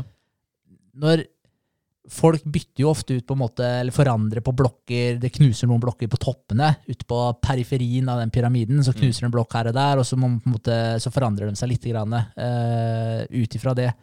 Mens det som skjedde med Gottfred, det var jo en fundamental forandring. Altså Ja. Der har du flere av blokkene i bånn som bare knuser, og som han må bygge opp på nytt. Ja. Og, og der så, så, så er det klart at det, med en gang noe sånt skjer, så er det jo ok, men hvem er Gottfred? Jeg vet jo ikke lenger hvem Gottfred er. Nei, nei, nei. Og, og da blir det sånn, ok, da blir det jo ukjent, og da blir man jo litt sånn satt tilbake. Og så må man på en måte lære seg å kjenne Gottfried litt på nytt igjen. Mm. Eh, og ikke minst, da, han må jo bygge opp de blokkene her på nytt igjen også, og finne ut hvem han er. For han vet jo heller ikke hvem han er. Nei, det er jo ikke en enkel periode for han heller. Overhodet Absolutt ikke. Og, ja, og sånn ref da, de, de som ikke vet hva som skjedde med han, han uh, fikk jo en uh, hva heter det for noe, en åpenbaring, han så lyset, ble frelst, altså, og ja, kom i kontakt med uh, det han vil si eh, Gud, da. Ja. Og, og ja, skifta veldig på, på prioriteringer og alt det som det her medfører. Livsstilen sin generelt. Så, så ja, det var eh, Så det skjedde jo med en annen enn meg. Men Ja. det som er dritkult, det er jo at jeg, jeg føler nesten at jeg relaterer bedre til Gottfred nå enn Ja, jeg kanskje gjorde tidligere. For tidligere var det mye mer overfladisk, mye mer Mm. festing og mye mer kategori to. Yes. Gøy. Det gøy sammen. Men nå føler jeg at vi kan connecte på et enda dypere plan, at vi kan ha mye mer meningsfylte samtaler. Så, så, så, det har vært veldig bra, men det har vært en stor periode imellom her hvor man liksom er litt sånn Ja, du syns det var weird, da. Selvfølgelig, Ja, selvfølgelig du vet jo ikke hvor lenge hvem det er, så man må lære seg å kjenne på nytt. Det er som man må Ja. bli kjent på nytt. Det er klart. Eh, men det samme skjedde jo med en annen kompis òg, som var i en ulykke. Eh, ja, hytteulykke, brann, eksplosjon, traumatisk ulykke. Den personen også forandra seg veldig på kort tid. Mm. Massiv forandring, og du ble litt sånn Ok, hva skjer her nå, liksom? Kjenner ikke helt igjen personen. Og, og der også tok det tid. Igjen, den personen måtte finne ut litt av hvem den var igjen, og prøve å stable på plass de kl kl klossene her, da. For å bygge opp eh, hva skal jeg si, litt personligheten, finne ut hvem de er igjen. Ja, Eh, I den perioden der så er det jo selvfølgelig Hva skal jeg si, man vil jo gå mye sånn fram og tilbake. Man vingler litt da mellom Fordi de vet ikke helt sjøl, kanskje eh, Vet kanskje ikke helt sjøl hvem de er lenger. Ja. Driver og finner ut av de tingene her. Det, tar, det er en prosess som tar tid. Men der også, etter at den personen igjen også fikk på en måte landa litt i tinga her, og man fikk prata ut om det og sånn, så dritbra. Nå er det en av mine beste venner, og, og vi har det dritbra sammen. Også nå føler jeg også at vi kan connecte litt på et dypere plan Mm. enn kanskje det vi gjorde før. Og jeg tror også det har en sammenheng med at eh, de personene som jeg snakker om her nå, da, de har jo, eh, de har jo si, kommet til en sånn massiv forandring. De er nødt til å virkelig tenke over hvem er jeg Mm. prøve å stable på plass de klossene her sjøl. Og jeg tror ikke Det, det er jo veldig få som eh, får en så stor forandring på en måte kasta over seg. Bare blir faen meg kasta ut i det ukjente, og så må du bare sykt. komme deg inn igjen og prøve å finne ut av den skitten her. Samle bitene, liksom. Yes, Ja. Det er veldig få som havner i den situasjonen og blir nødt da, til å Mm. ta et så eh, Eller hva skal jeg si? Til å, ta et, eh, til å få et så bevisst forhold til hvem de faktisk er, Mm. og begynne å peile ut det her igjen. Men jeg tror at det gjør dem enda mer ekte. Ja. Ja, fordi de, de, har, de har på en måte kommet fram til, med, med virkelig en bevisst innsats, da, kommet fram til hvem er det jeg egentlig er, og, og funnet ut hva det er som funker, hva som på en måte er i tråd med hvem de har lyst til å være også. Mm. Og når de først da klarer, etter si to år, tre år, kanskje fire år med de greiene her, at de blir en såpass godt integrert person, at de, er, de, er mer, de har mye bedre selvtillit også, fordi de er mer fornøyde med den de er. Ja. Den de er, er ikke lenger like mye forma av alle dem som har vært rundt dem, miljøet de har vokst opp i, og alt de greiene her. De har på en måte brøtet litt ut av det. Ikke med vilje. Nei, men- ikke sant? men- for det er ikke et valg. Nei. Det her skjedde dem. Yes. Ja, og det er en stor forskjell. Da, og det at det faktisk skjer en hendelse med en person som man er nødt til å graspe etterpå, kontra det å ta et valg at nå har jeg lyst til å gjøre en annen ting. Det er veldig stor forskjell der. Veldig stor forskjell. Så, men det jeg tror, er at der, uh, Jeg tror at de uh, er en hva, Med mangel på bedre ord, at de har en bedre integrert personlighet nå. De er mye Mm. tryggere på seg sjøl. Og det gjør også at de er ikke redde for å prøve nye ting, si ting som kanskje ikke alle er enig med, men de er genuine. Jeg tror det er det det er litt. Det kommer faktisk fra kjernen av personligheten Ja, ja. det de sier. De er nok enda mer bevisste på hvem de er, da. I forhold til oss andre som bare egentlig bare er oppvok oppvokst på inntrykk fra alle andre om, om hvem du er. Ja, ja, Ja. jeg tror det. Sånn helt seriøst. Så fordi hvis du hele tiden går litt sånn på autopilot, og du hele tiden reagerer på miljøet rundt deg, og der ofte, altså de, de som du henger med, de er jo med på å forme deg til de grader. Ja. Altså det, er jo ikke, det er jo ikke noe tvil om det. Og så kan du tenke deg, ok, du blir plassert på barneskolen, da, og så havner du i en klasse med 20-30 stykker. 20-30 stykker. Det er ingen, liksom. Det er ingen, og så, og så kommer du på ungdomsskolen, da, Mm. og da havner du i en ny klasse med 30 stykker. Ok, da har du liksom 60 stykker du har gått i klasse med, Ja. som du henger sjukt mye med. Og så er det samme greia på videregående, og så er det kanskje samme greia på høyskolen. Bare på høyskolen så er du ikke i nærheten av like mye sammen med de som du går i klasse med. Men det er jo sånn Det, er ikke en dråpe i havet engang, de menneskene som du har blitt eksponert for, og dem som har vært med og påvirka deg. Så det er jo sånn, du kan jo tenke deg hvor mye påvirkningskraft de har på deg, Mm. og de interessene som du på en måte tilsynelatende har, Ja. som du har utvikla, eh, som du har utvikla interesse for. Det er jo på en måte Alt det her kommer litt sånn fra sida. Ja. Hvis du hadde satt deg tilbake og faen meg bare blokka ut alt da, i et år, og bare levd i asyl oppi skauen liksom, og bare prøvd å finne ut hvem er du, faen, du hadde kommet annerledes på andre sida. Ja, jeg tror faen meg også, Ja. herregud. Men det er, det er litt kult da, å tenke på det på en måte. Hvis du tenker tilbake, da, altså alle aktivitetene du har eh, gjort når du var eh, barn, alt, eh, ja, egentlig alt da, som, som du har fått, som du har funnet ut at det her synes jeg er gøy, det har mest sannsynlig kommet fra noen andre. Ja. Ja. Det er ikke du som har valgt det på den måten. Altså, når du spilte fotball på skolen, da.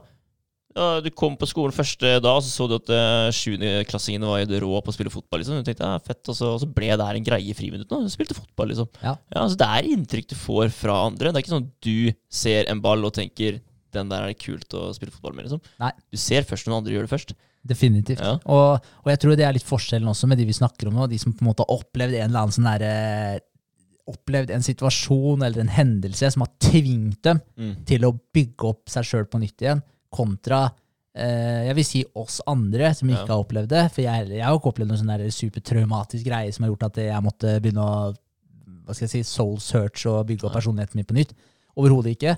Eh, men, men det må eh, Men jeg tror det er veldig stor forskjell på det. Fordi eh, i det ene tilfellet så, så som sagt, da har du et bevisst forhold til det, og du er nødt til å bygge opp de greiene her. Du bruker tid på det, du analyserer, og du, du kommer fram til et eller annet da, som Mm. du føler er ekte. Du blir på en måte litt mer din egen person, Ja. kontra andre som har på en måte gått i det samme miljøet og traska hele tiden, og aldri på en måte vært bevisst over ok, men hvorfor tenker jeg sånn, hvorfor føler jeg sånn, er det egentlig det her jeg har lyst til? Kanskje teste ut masse andre greier som, som ikke har noe som helst med vennegjengen å gjøre i det hele tatt, men som du Mm. gjør av egen regi. Aldri har blitt utfordra. Ja, Ja. så, så det, er, eh, det er veldig forskjellig. Ja, men altså, jeg tenker også bare det Uh, Bare det inntrykket du gjorde deg sjøl når, du- når du måtte reise utenlands og forlate vennene dine Hvis det aldri hadde skjedd, Ja, ja. ja, så hadde du garantert oppført deg på en litt annen måte enn det du gjør i dag. 100 Ja, Ja, det hadde vært en annen person. ja du hadde det det! er ikke tull. Nei, ja, det tror jeg òg. Ja. Så det er, det er eh, veldig interessant. Ja. Eh, nice. Vi eh, skal bare gå gjennom noen eh, punkter. Eh, eh, med Altså Velg venner med omhu. Det å omringe seg da med de rette menneskene har eh, overraskende gode effekter. Eh, og Det første punktet her da, det er at dere, venner med sterk viljestyrke kan øke din selv selvdisiplin. Eh, så hvis du sliter da med å motstå fristelser, eh, så kan det hjelpe deg å omgi, omgi deg med mennesker som eh, har en høy selvdisiplin. Da. Mm. Eh, og det er en studie da, eh, fra Psychological Science som rapporterer det, at når folk har lite selv selvdisiplin, så oppsøker de ofte selvdisiplin disiplin, selvdisiplinerte mennesker for å øke sin egen eh, viljestyrke. Da. Ja, man gjør det liksom Ja, det er tydeligvis en eh, automatikk her. da. At du, du søker de som er bedre, da, for å bli bedre selv. Kult. Ja, og det sier seg egentlig litt sjøl, da. Ja, det gjør det, men jeg hadde nesten eller jeg hadde nesten tenkt litt motsatt. At hvis du har dårlig selvdisiplin, så hadde jeg nesten tenkt at der, kanskje du ønsker å menge deg litt med folk som har dårlig selvdisiplin, så du kan føle deg bedre med din dårlige selvdisiplin. Ja, men det er sikkert et greit skille her. Ja, det, er, det er det helt sikkert. Men jeg tenker, jeg, jeg ser jo bare på meg sjøl, da. Altså, jeg søker jo ikke mennesker som har dårligere selvdisiplin enn meg. Å, jeg, jeg henger jo heller med folk som er bedre, ja, ja, for å bli bedre selv. definitivt. Men det er fordi du har tatt et bevisst valg med at du vil bli bedre. Ja. Du vil bli en bedre versjon av deg sjøl, og måten å gjøre det på er å henge med folk som er kanskje litt bedre enn deg på visse områder, eller i hvert fall like gode, og som også etterstreber å eh, bli bedre. Ja. For det er jo sånn du også vil bli bedre. Ja, ja. Ja. Litt den der å komme på samme frekvens eh, som de som har en høyere frekvens enn deg, da. For å, ja, for å bli lik, da. Ja. Rett og slett hente de beste, beste verdiene fra andre og putte inn i seg selv. Ja, ja, Ja. definitivt. Det er jo litt den der termostaten igjen, da. Ja, Ja, at Veldig sant. du ja, blir varma opp til den, eh, de gradene som eh, Hvis noen har en termostat som er høyere stilt enn en din, mm, så kan du være i nærhet av den og få noen av de gradene, du også. det er veldig sant. Mm. Og det det òg, da, med å velge venner, da. Eh, Det er, det er som vi sa i stad, altså henger du med fem idioter, så blir du den sjette idioten. Ja, henger du med fem smarte, flinke mennesker, så, så blir du til slutt den sjette smarte, flinke personen. Ja.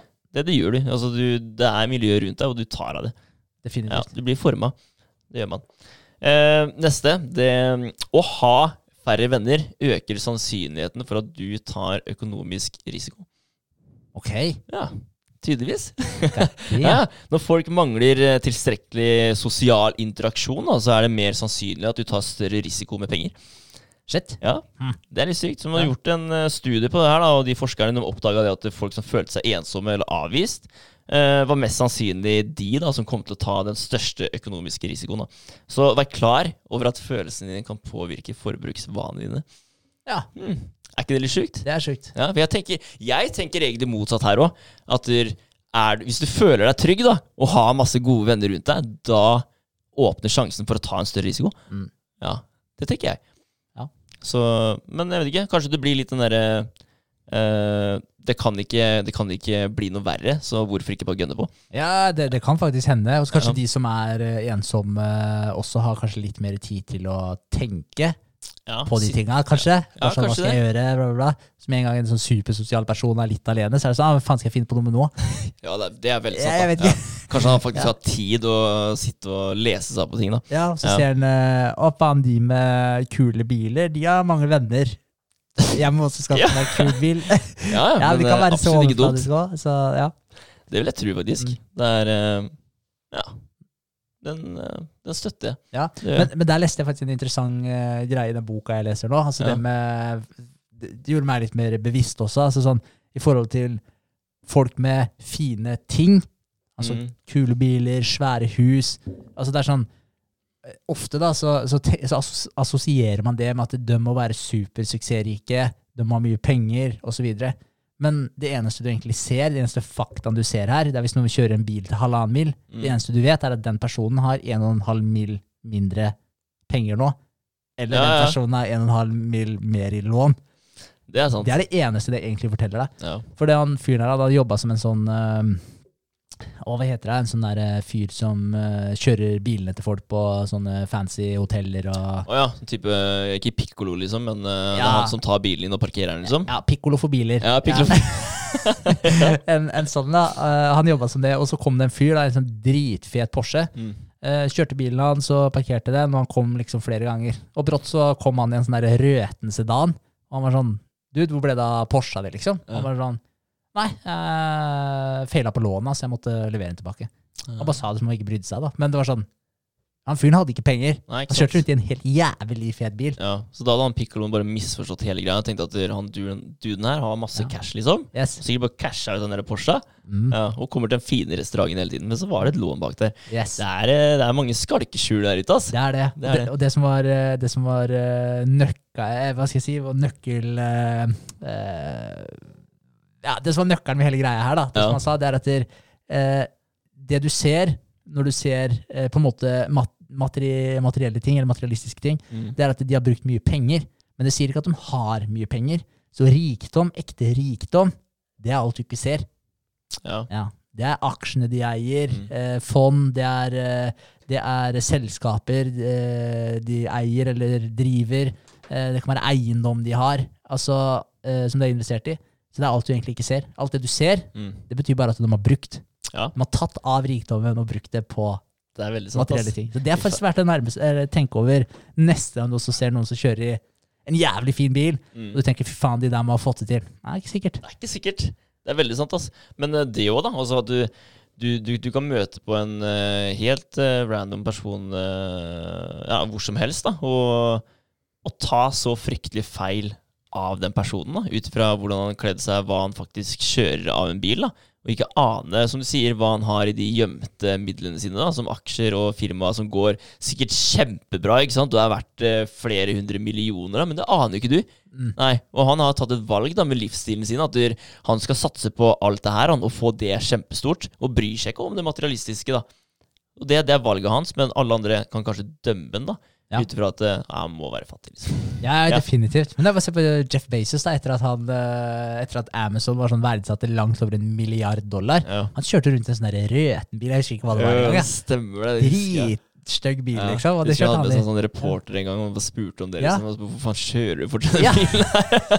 Ja, men det, er- en perfekt, uh, grei bil, liksom. Og fair enough, Samme med Warren Buffett òg. Han bor jo fortsatt i hjemmet som han vokste opp i. Han har ikke kjøpt seg et jævla palass, han er Nei. god for vet ikke, 100 milliarder dollar eller noe sånt. Ja, det er sjukt. Så- Men uh, der òg, da. Der, der blir jeg litt sånn der Dude, du må bruke litt. Ja, Det er sånn, ja. jeg er enig. Da er du onkel Skrue. Ja, jeg, jeg Ja. er litt enig med deg. Det er, eh, det er lov å bruke litt. Litt er lov Ja, ja. å bruke. Det, det syns jeg. Ja. Ok. Um, å ha for mange sosiale medieforbindelser, det øker stressnivået ditt. Mm. Uh, når det gjelder sosiale medier, så er kanskje ikke jo mer, jo bedre uh, den beste tilnærmingen å ha. Uh, igjen, en rapport er fra Edinburgh, faktisk. Ja. Sånn, ja. Kult. Men de fant jo da at flere Facebook-venner betyr mer stress. Og de kobla også Jo flere sosiale medieforbindelser du har, da eh, Det blir liksom ø eller det, det blir kobla til økt angst, da.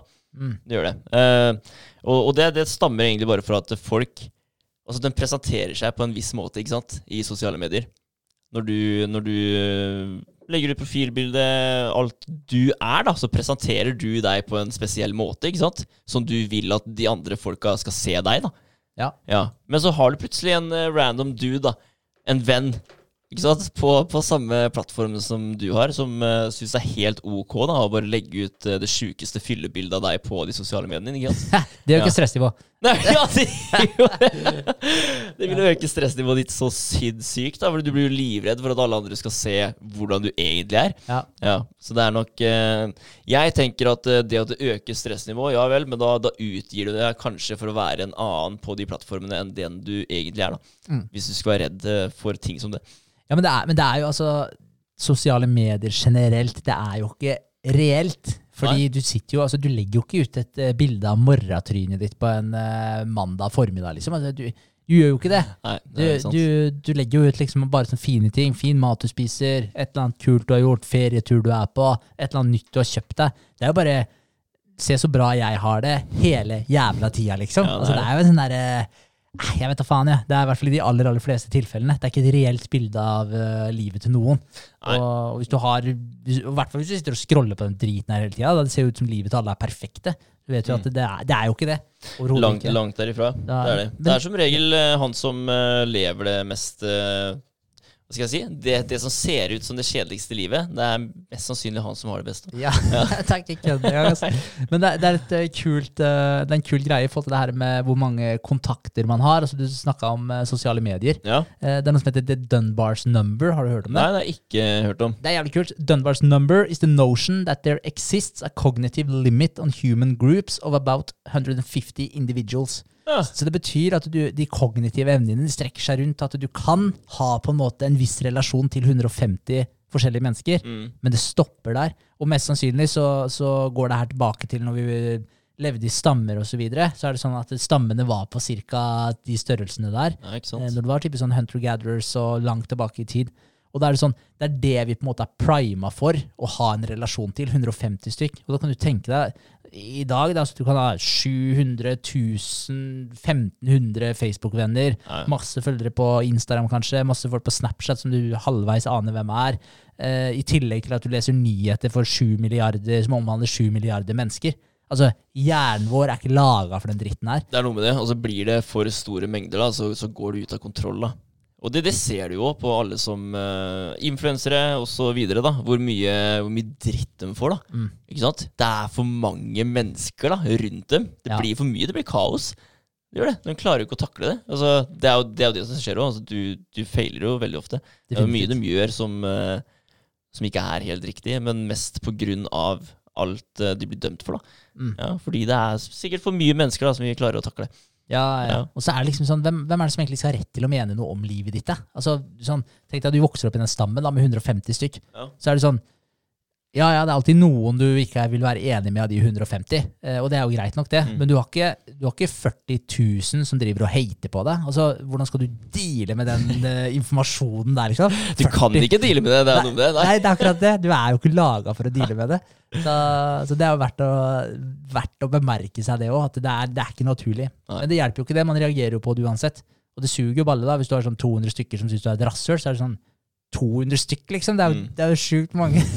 Men så hvis det er 40 000 som syns du er en dritfin fyr, Ja.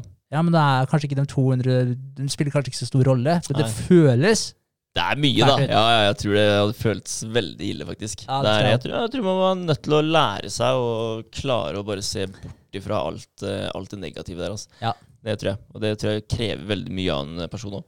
Ja, Ja. kanskje best er det bare å holde seg unna litt, egentlig. Jeg vet ikke. Bare sånn, ikke lese kommentarfelt, ikke scrolle så mye sosiale medier og sånn. Ja. ja, ja. Det tror jeg, har du hva, jeg tror det har en kjempestor eh, impact på folk å faktisk eh, gjøre det. Jeg bare tenker sånn med, med nyheter, da. Mm. Eh, etter den utfordringa du ga oss for kjempelenge siden om Ja. å faktisk ikke lese så mye ny nyheter. Jeg abonnerer ikke på noen ting av eh, VG eller HA eller hva det skal være. Det eneste jeg ser nå, det er eh, hvis det popper opp på Facebook. da. Mm. Og jeg kan ikke klikke inn på det engang, for jeg får ikke lest det. Og det er helt Ja. greit, da. Ja. Ja, Så jeg får ikke feed av all den der negative dritten inn i huet hele tida. Jeg føler at det gjør meg godt. altså. Ja, ja. Meg òg, 100% altså, jeg, merker at, jeg merker at stressnivået mitt er lavere. Jeg er Mm. mindre frustrert. Og, fordi det er så mye skit som man leser om som man ikke får gjort noe med. Og livet er urettferdig. Verden er full av dritt. Mm. Men jeg trenger ikke å faen bli påminnet hver eneste dag. Nei. Og i hvert fall ikke med ting som jeg overhodet ikke får gjort noe med. Nei, Og neste uke så er det noe annet drit som har skjedd, som jeg heller ikke får gjort noe med. Nei, Så er det liksom, Hva faen skal du med den informasjonen? ja, det er noe med det. Ja, Neste uke så kommer det en ny rettssak som alle kommer til å følge med på. ikke sant? Som, eh, ja, ja. ja, men det er bare det liksom hele verden sitter og følger med på en, ja, en rettssak da, Mm. med to stykker, liksom. Så er det bare sånn derre hva faen har det med livet ditt å gjøre? liksom? Ja. Ta og Les konklusjonen da, når den er framme, liksom, hvis du er veldig interessert i det. Stopp der. Du, ja, men det, er ikke, det, er ikke, det er ikke en morder engang. Det er, sånn, det, er ikke en, det er ikke en fyr som har drept noen da, eller sprengt en bygning. eller hva Det skal være. Det er, et- det er et forhold som har gått skeis. Ja. Ja. ja, er ikke det sjukt? Jo, jo, det er sjukt. Men det var, det var jævlig kult. Det, der, eh, det var en stats jeg dro opp når vi hadde det der temaet om, eh, om nyheter. Ja. Eh, det i forhold til det der terroristangrepet som hadde vært et eller annet sted i India. Eh, og da var det jo eh, De hadde drept eh, Jeg husker ikke hvor mange det var de hadde drept, men si de hadde drept Det kan jeg helt off nå, da. Men si det var 300 pers, da, eller 600 pers, eller et eller annet. Aner ikke tallet. Eh, men det var typ noe sånt, da. Det, var, det var tragisk mange. Ja. Men nyhetene i etterkant av de greiene her, når du fulgte rettssaken osv., alle som fulgte med på de greiene her Hvis du la sammen antall timer Ja. som folk satt og så på de greiene her, så, så var det det samme som flere tusen liv totalt. Så det betyr at det, ja, ja, ja. Ja. det var så og så mange som døde i det terroristangrepet. Men så var det basically tusenvis av liv. Det var mange ganger flere liv som ble brukt opp av å fuckings se på den hendelsen her. Men Det er vilt, da. Men, men det er faen det er sjukt å tenke på, altså. Ja. For her har du, her har du liksom et terroristangrep som er helt tragisk, helt forferdelig, liksom, som slukte så mange liv. Og så sitter nyhetssendingene og egentlig spiser opp mange ganger flere liv enn det som det tragiske terroristangrepet som det melder om, har spist opp. Ja, det er helt vilt. Det er Altså, sykt å tenke på, altså. Ja. Hvor faen fant du statistikken her, egentlig? Altså, det er ikke noe som bare blir sendt ut uh, overalt, kan jeg tenke meg. Nei, Nei. nei. Jeg, jeg leste, det var en som hadde skrevet en artikkel om akkurat de greiene her med nyheter, og hvorfor du egentlig ikke burde se på nyheter i det hele tatt. Mm. Hvorfor det ikke angår deg i det hele tatt. Og bare hvorfor. Altså, basically det han skrev, var det her som jeg egentlig presenterte litt av, at nyheter er en business. Ja. Det er en business case. De er ikke her for å fortelle deg nyheter, de er ikke her for å opplyse deg om alt som skjer i verden. De er der for å tjene penger. Ja, Punktum. Ja, ja. Ja. Ferdig snakka. Så det, så det var egentlig bare for å expose ja, det absurde eh, med nyheter. Mm. Altså ja, hvor lite nytte det har for deg, og hvor mye tid det stjeler. Ikke minst hvor mye tid det stjeler. Ja. Det var litt av det som var poenget hans der òg. Ja, men Det stjeler jo utrolig mye tid, da. Sitte og følge med på piss som du er. Altså, for det første så angår det ikke deg i det hele tatt. Og tenk alt det andre du faktisk kan bruke den tiden din på. da. Ja, ja. Ja. Og så etterpå, da, hvis du blir frustrert over ting, hvis det er en ting du blir forbanna over, så er det sånn der, du går og tenker på det etterpå, Mm. så stjeler du masse fokus fra andre ting som du kunne ja, hatt fokus på. Ja, faen meg sant, Så altså. nei, det er faen meg en dobbel, trippel, fikkel negativ. Ja. Men jeg har ikke sagt det i det hele tatt, det er litt gøy òg, fordi på, på jobben òg, altså sånn, de viktigste hendelsene, Mm. all, alle rundt deg fungerer som filtre. Det er det som er så artig med å ikke lese nyheter. Ja. Fordi du får med deg alle de viktigste nyhetene. ja. Mens alle rundt deg den filtrerer ut all driten. Og så får du selvfølgelig noe som glipper igjennom, da, som jeg synes er lættis å snakke om. Men hovedessensen av de viktige nyhetene, den får du vite uansett. Mm. Så du går ikke glipp av noe av å ikke se på det. Men du er drit avhengig av å se på nyhetene. Ja, ja. Jeg får, eh, jeg får egentlig feeda nyheter på jobben eh, hver eneste dag. Jeg. Og Ja. det er så gøy, da, fordi alle bare forventer at jeg ikke har hørt om det. Ja, ja, ja men det er sånn Har, har det vært ett øyeblikk, eller du har vært sånn 'Å, fy faen, det her skulle jeg ha hørt om', ass. Nå må jeg begynne å lese nyheter igjen. Absolutt ikke. Nei. Nei, Og, det er ikke det. nei, og nå er det begynner å bli en stund siden Ja, det er ganske lenge siden det nå. Ja. Ja, så jeg er ganske imponert over det. altså. Jeg har klart Ja, ja. å holde meg Og det, det, det er ikke noe klart å holde meg, det er feil å si det òg. Altså, det, det, er det, har ikke vært noe, noen spesielle følelser rundt det. da. Det er ikke sånn at jeg har hatt et savn for nyhetene. Absolutt ikke. Nei. Det er eh, helt innafor. Det har gått en ganske naturlig gange da, Ja. å kvitte seg med det. Og det er deilig. Jeg hadde ett tilfelle på Jeg vet ikke hvor lenge det er siden jeg så på nyheter, eller aktivt leste nyheter. Det er sikkert to år siden. Ett tilfelle har jeg Ja. hatt hvor det var sånn Oi, nei, det har jeg ikke hørt om. For da var det under covid. Mm. Og selvfølgelig hadde jeg hørt om covid.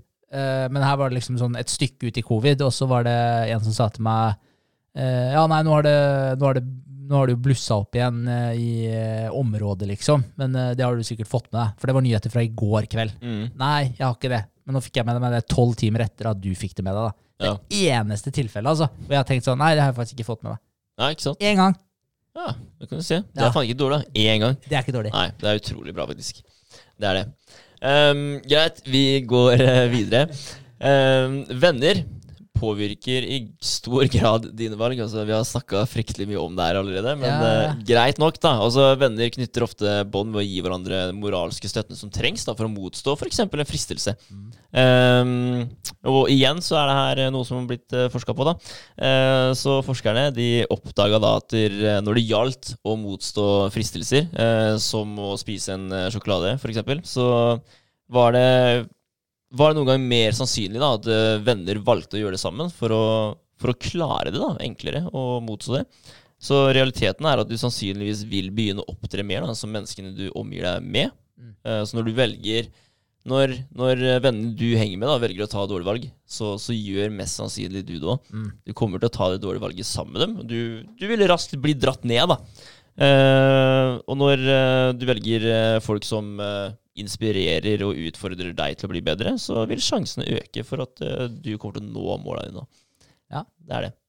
Det er eh, gode poenger. Ja. Men det er noe med det, altså man må jo, man må jo tåle å høre litt dritt òg, da. Altså sånn i forhold til hvis man gjør noe feil. Ja. Da må man jo faktisk tåle å høre at man gjør noe feil òg. Så, Ja, ja. Sånn at der, fordi det er mye lettere å gi folk skryt enn å si til folk at dude, jeg som vennen din her Ja, er ikke helt sikker ikke på den liksom. casen her. Nei, altså bare sånn, er du sikker på det? Altså, det er jo Men det er alltid lettere å gi positiv feedback enn negativ. Men eh, gode venner bør jo gjøre begge deler. Med mindre du er på jobb, da. Da er det enklest å få negativ feedback. Ja. Det er det, men jeg skjønner hva du mener. da Altså Ja. Det er vanskelig å komme til en kompis og si at Vet du hva, det du gjorde nå, syns jeg ikke er greit. Ja. Den er tung. Ja, det er ja, vanskelig, men begge to kommer til å komme bedre ut av det. definitivt. Ja. Og da må man, eh, men, men jeg føler jo at det er jo det som er en ekte, ekte venn. Ja. De som faktisk tør å ta de tinga der med deg også. Det er jo ikke noe artig for den uh, fyren å si de tinga heller. Det er mest sannsynlig tyngre for den personen Ja. å gjøre det. Brått. Ja. Men, Det eh, ja. men det er men igjen sånn der i forhold til det, hvordan man uh, reagerer på ting også, for det er, det er også en ting som jeg har tenkt mye på. Altså sånn, i forhold til Hvis folk gir deg feedback, Mm. hvis noen gir deg, kommer med en liten kommentar til deg om et eller annet, og det trenger ikke være noe viktig, kanskje du ser på det som helt jævlig ubetydelig, men det kan være, noe, det kan være den personen som tester litt og gir deg en litt negativ feedback. Bare Ja. sånn eh, Ja, syns kanskje ikke noe om Kanskje du kunne gjort det her annerledes neste gang. Et eller annet da. Prøver å gi deg en lite hint om en eller annen ting du kunne gjort litt annerledes neste gang. Ja. Hvis man da dreper det forslaget, eller kommer med en litt sånn amper tilbakemelding, eller sånn, i stedet for å være sånn Å ja, ja, nei, men det tenkte jeg ikke på, men det kan jeg prøve, liksom. Og tenke på neste gang. Et eller annet sånt. Ja. Så man tar det på en fin måte. Da sier man også til den personen at 'jeg vil ha tilbakemeldinger Mm. eh, fra deg'. Men hvis man tar det på en dårlig måte, og tar seg nær av det, går i forsvarsmodus, blir litt piss, blir litt amper, litt frustrert, Mm. så sier du basically til den personen at 'du, jeg vil ikke ha de tilbakemeldingene her'. Og da slutter du også å få de tilbakemeldingene. Og Ja. det er veldig dumt å slutte å få de tilbakemeldingene av de folka som man er mye sammen med. Fordi du kan banne på at de du ikke er så mye sammen med, ikke kommer til å gi deg de tilbakemeldingene. Og da går du egentlig og er blind. da. Du vet ikke alle de dårlige valga som du gjør, som kanskje Helt klart, og Ja. du går glipp av utrolig mye lærdom òg, da. Definitivt. Det er jo det. For det, altså, basically så sier du at uh, 'hallo, jeg vet best', egentlig. Det er Ja. jo det du sier. Altså, Jeg trenger ikke å høre eller få tilbakemeldingene, for jeg vet at det jeg gjør, det er bra. Ja. Og det er utrolig synd, da. Ja, for det første så, får du, så går du bare den samme veien. Du får ikke testa noe nytt. Du nekter jo, fordi du skal kjøre, kjøre ditt løp. da. Du, du, du får ikke noen input eh, fra noen andre da, som du faktisk kan vokse på. Mm. Så det Nei, det jeg tenker at er du den personen, så er du nødt til å endre litt uh, væremåte. Altså. Ja, Man burde i hvert fall være ekstremt bevisst over hva det er man faktisk gjør. Sånn, Mm. og hvis man er dårlig på å ta feedback, så bør man faktisk lære seg det. Fordi hvis, altså, Tro meg, hvis jeg gir noen feedback tre ganger, Mm. og de uh, gir meg noe piss tilbake alle de tre gangene, når jeg genuint prøver å si ifra at du, det her var ikke helt greit, altså, det er irriterende, altså, whatever. Tro meg, jeg kommer ikke den fjerde gangen og prøver å gi deg noe hint. Da bare tenker jeg for meg sjøl, ok, der kom noe dritt igjen, og så lar jeg det heller bare gå. Og så Ja. får den personen bare være sånn. Ja, da får man Ja. deale med det. Ja, Ja. Nei, det er ikke enkelt, men det er ikke enkelt å ha Det er ikke alltid enkelt å ha venner heller. Er det noe med det? ja, ja, ja det, er, det er for godt og vondt. Ja, ja, helt klart. Er det. Men uh, til syvende og sist da, så er det helt tydelig og klart at der venner er noe vi trenger i livet vårt for at vi skal ha det bra. Ja. Uh, så ja. Det, det må også sies da, at det er ikke viktig å ha mange. Nei. Det er det ikke. Og det er ikke sånn at har du mange venner, så, så er du garantert eh, Eller så har du et eh, suksessfullt eh, liv. Absolutt ikke. Du kan, du kan være den personen som kanskje ikke ønsker å ha mange venner. Du kan være han som Ja, det holder da å ha én eller to nære venner, og at du er superfornøyd med det. Og jeg mener at det, det, er faktisk veldig bra. Ja. og at det, det, det holder egentlig. Det, det viktigste er at du har noe du kan eh, som du kan eh, Hva skal jeg si? Altså, som du kan eh, snakke med, da. Og dele ting med. Og, så du slipper å være sitte der med dine egne tanker alene hele tiden. For det kan være vanskelig. Absolutt. Ja. Nei, jeg er helt enig. Kvalitet fremfor kvantitet. Ålreit. Det er bra. Skal vi, Kult. ja, skal vi ta uka, eller? Ja, ja. Kjøre på. Hva som skjer. Ja? Jeg kommer til å kontakte folk. Ta og begynne å ringe. Ja, det er fett. Da, ja, vi, kan, ja, vi skal hente spenn, da. Så Ja. vi kan si det. Ja, det, det skal Ja. vi. Når vi kommer dit, at vi er klare for å faktisk begynne å ringe rundt til eh, eh, investorer og vanlig mann i gata, egentlig. Som ja. kanskje har litt eh, ekstra han har lyst til å bruke på noe spennende. Definitivt. Ja. Så hvis noen kjenner noen som kunne tenke seg å i hvert fall eh, få pitcha prosjektet, Mm. så er det bare å ta kontakt. Gjøre beste dealen de noen gang kan uh, gjøre. Helt, riktig, Vegard. Helt Ja. riktig. Ja, Da er det bare å ta kontakt med oss. For vi er klare for å begynne, nemlig. Definitivt. Det er vi. Ja, så det blir jo det. Ja. Og så ja, fortsette med markeds... Uh, Strategi og Ja, den er jo basically ferdig nå, da. Men uh, det, det er en sånn liten matrise igjen som vi er nødt til å gå over og se på. Og når det er gjort, så er det jo liksom Det er jo å begynne å følge den strategien nå, da. Ja. For det er jo alle de punktene som er satt opp som hva er det som må være klart uh, før det og det og det. Så det blir jo litt å ja, begynne å følge den, egentlig. Mm, Og gjøre seg mer og mer klar, da.